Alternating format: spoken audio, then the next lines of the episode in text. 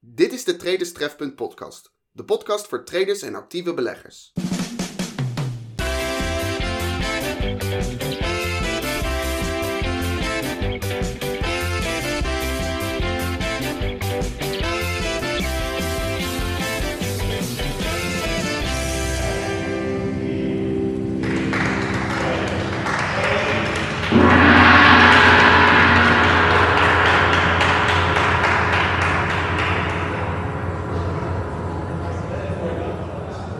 Hey, hallo, Marcel van Vliet hier en welkom bij alweer de zevende aflevering van de Traders Trefpunt podcast.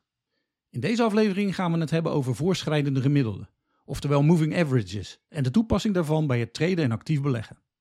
De microfoonversterker die ik na de vorige aflevering heb aangeschaft op aanraden van Steven, een collega podcaster uit Graven, die doet intussen zijn werk. Aan mijn eigen stemgeluid en aan mijn Rotterdamse accent kan ik maar weinig veranderen, maar ik hoop dat het totaalgeluid nu wat beter tot zijn recht komt.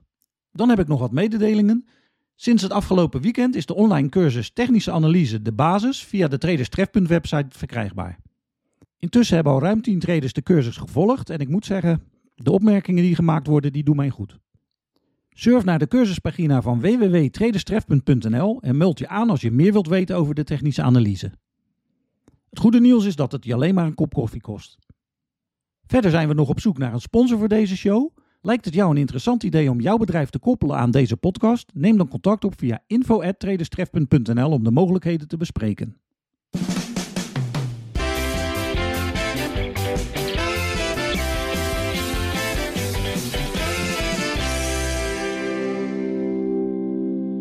Om te beginnen, voor degenen die niet bekend zijn met moving averages, even een korte uitleg over wat een moving average nu eigenlijk is. Moving averages, oftewel voortschrijdende gemiddelden, zijn niets meer dan de grafische weergave op de grafiek van de gemiddelde koers over een x aantal periodes. Dit kunnen dagen zijn, maar bijvoorbeeld ook uren en minuten, of zelfs per tik. Dat is de kleinste tijdeenheid op een grafiek. De meest gebruikte moving average zijn het 20, het 50, het 100 en het 200 moving average omdat het gebruikelijk is in het jargon van traders en actief beleggers om te spreken over ME's in plaats van over moving averages, zal ik deze vanaf nu ook zo gaan benoemen. Het 20 ME geeft een indicatie van de gemiddelde koers van de afgelopen handelsmaand, omdat iedere maand gemiddeld 20 handelsdagen telt. Dan is er het 50 ME. Dit wordt op de weekgrafiek vaak gebruikt om de gemiddelde koers van de 50 handelsweken van het jaar weer te geven, maar wordt vooral op de daggrafiek door veel traders gebruikt om de gemiddelde koers over een middellange termijn weer te geven. Hierbij werkt het 50 ME vooral als een self-fulfilling prophecy, omdat veel traders er gebruik van maken. Dus omdat vrijwel iedereen het 50 ME gebruikt, is er rondom veel volatiliteit en koersbeweging. Het 100 ME wordt vaak gebruikt om de gemiddelde koers van een half jaar weer te geven. Dat is natuurlijk niet omdat een half jaar uit 100 dagen bestaat, maar omdat de 200 ME door heel veel traders en vooral trendfollowers als de gemiddelde koers voor een jaar wordt gezien. Net zoals bij geen enkele regel van de technische analyse zijn ook de periodes waaruit de moving averages bestaan geen vaste gegevens. Het is maar net waarbij je je lekker voelt en die bij jouw stijl van handelen past. Zo ken ik een aantal bekende traders en technische analisten die gebruik maken van een ME dat gebaseerd is op een getal uit de reeks van Fibonacci. De vrouwelijke forex-trader en host van de Trading with Venus podcast, Reggie Horner, heeft haar indicatoren gebaseerd op het 34 ME. En de Australische forex-trader Niall Fuller maakt om deze reden gebruik van het 21 ME. Maar ook dichter bij huis wordt er gebruik gemaakt van ME's die gebaseerd zijn op een getal uit de reeks van Fibonacci. Kijk bijvoorbeeld maar eens naar de sleepkabel van technisch analist Nico Bakker. Er bestaan veel onzinverhalen over de ME's. Zo worden de voortschrijdende gemiddelden op het internet regelmatig aangeprijsd als magical indicator of een zogenaamde holy grail van het traden. Dit terwijl iedereen intussen wel zou moeten weten dat de enige holy grail voor het traden en beleggen tussen je eigen oren zit. Een ME is niets meer dan een instrument dat je kan helpen bij het nemen van een beslissing in trading of bij het actief beleggen. De indicator heeft daarvoor een drieledige functie. Hij of zij, want ik ken ook traders die hun ME's liever als vrouwelijk zien, dient in eerste instantie voor het bepalen van de richting waarin de trend zich beweegt. De stijlte van een op- of neerkrullende ME geeft de intensiteit of de kracht van een trend aan. Dus hoe steiler de ME, hoe krachtiger de trend is. Een uitzondering op die regel is de zogenaamde parabolische stijging, die in 9 van de 10 gevallen wordt gevolgd door een correctie. En tot slot vormt de ME een sleutelgebied als dynamisch, steun- of weerstandsniveau. Voor de luisteraars die niet bekend zijn met het concept van steun- en weerstandsniveaus. Een steunniveau is een koersniveau dat als een soort van vloer in het verleden ervoor heeft gezorgd dat de koers niet verder daalde. Een weerstandsniveau vervult eigenlijk dezelfde rol, maar dan als een plafond voor de koers. Een belangrijk principe van de technische analyse is de zogenaamde rolwisseling van steun en weerstand. Een weerstandsniveau dat opwaarts door de koers doorbroken werd, kan in de toekomst optreden als een steunniveau. Een steunniveau dat neerwaarts door de koers werd doorbroken, kan daarentegen in de toekomst optreden als een weerstandniveau.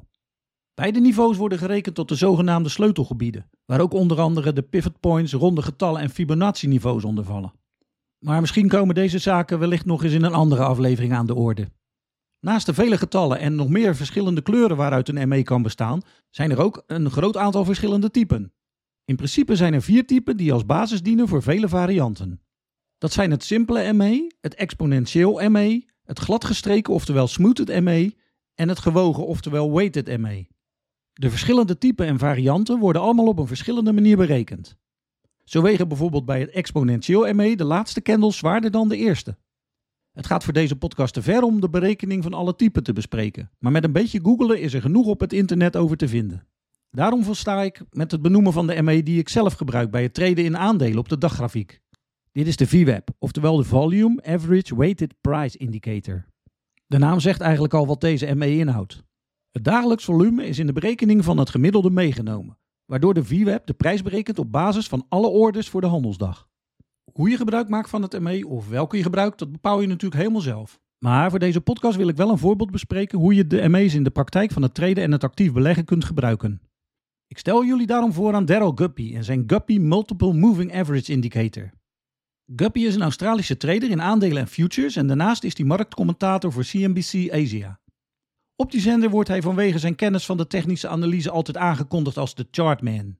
Hij schreef een tiental boeken over technische analyse en de financiële markten, maar het meest bekend is hij toch wel van zijn Guppy Multiple Moving Averages Indicator.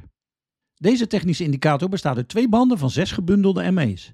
één voor korte periodes en één voor langere periodes. De band voor de korte termijn bestaat uit de 3, 5, 8, 10, 12 en 15 ME's. En die voor de langere termijn uit de periodes van de 30, 35, 40, 45, 50 en 60 ME. Als dit allemaal een beetje te snel voor je ging, geen nood. In de show notes van deze aflevering vind je alles terug over Daryl Guppy en zijn technische indicatoren. De werkwijze van Guppy en zijn Moving Average Crossover Indicator is simpeler dan de naam doet vermoeden. Hij koopt na een opwaartse kruising van de korte termijn over de langere termijnband en hij verkoopt weer als de banden zich weer neerwaarts kruisen. De verschillende periodes van de ME staan voor de intensiteit van de zogenaamde crossover. Dus hoe hoger de periodes, hoe langer Guppy verwacht in de trade te kunnen blijven. Als afsluiting van deze aflevering nog een laatste opmerking over het gebruik van de ME's. Het maakt voor het resultaat helemaal niets uit welke ME je gebruikt bij het handelen. Zolang je maar in je achterhoofd houdt dat het voor jou logisch moet zijn en dat het uit backtest moet zijn gebleken dat de gekozen ME voor jou zal werken. Als het vertrouwen er is, dan is het slechts een kwestie van je eraan vast blijven houden. Want de aanhouden wint slotten. Altijd.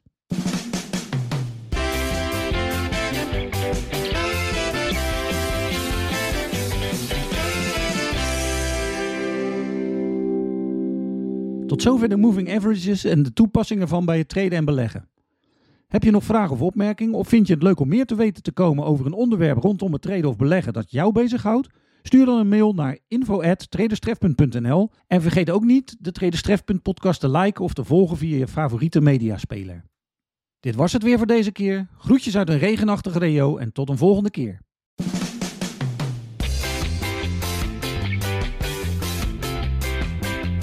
Dit was de Traderstref podcast. Bedankt voor het luisteren. Bezoek de Traderstref website voor meer informatie over Marcel van Vliet en de harde kern van Traderstref.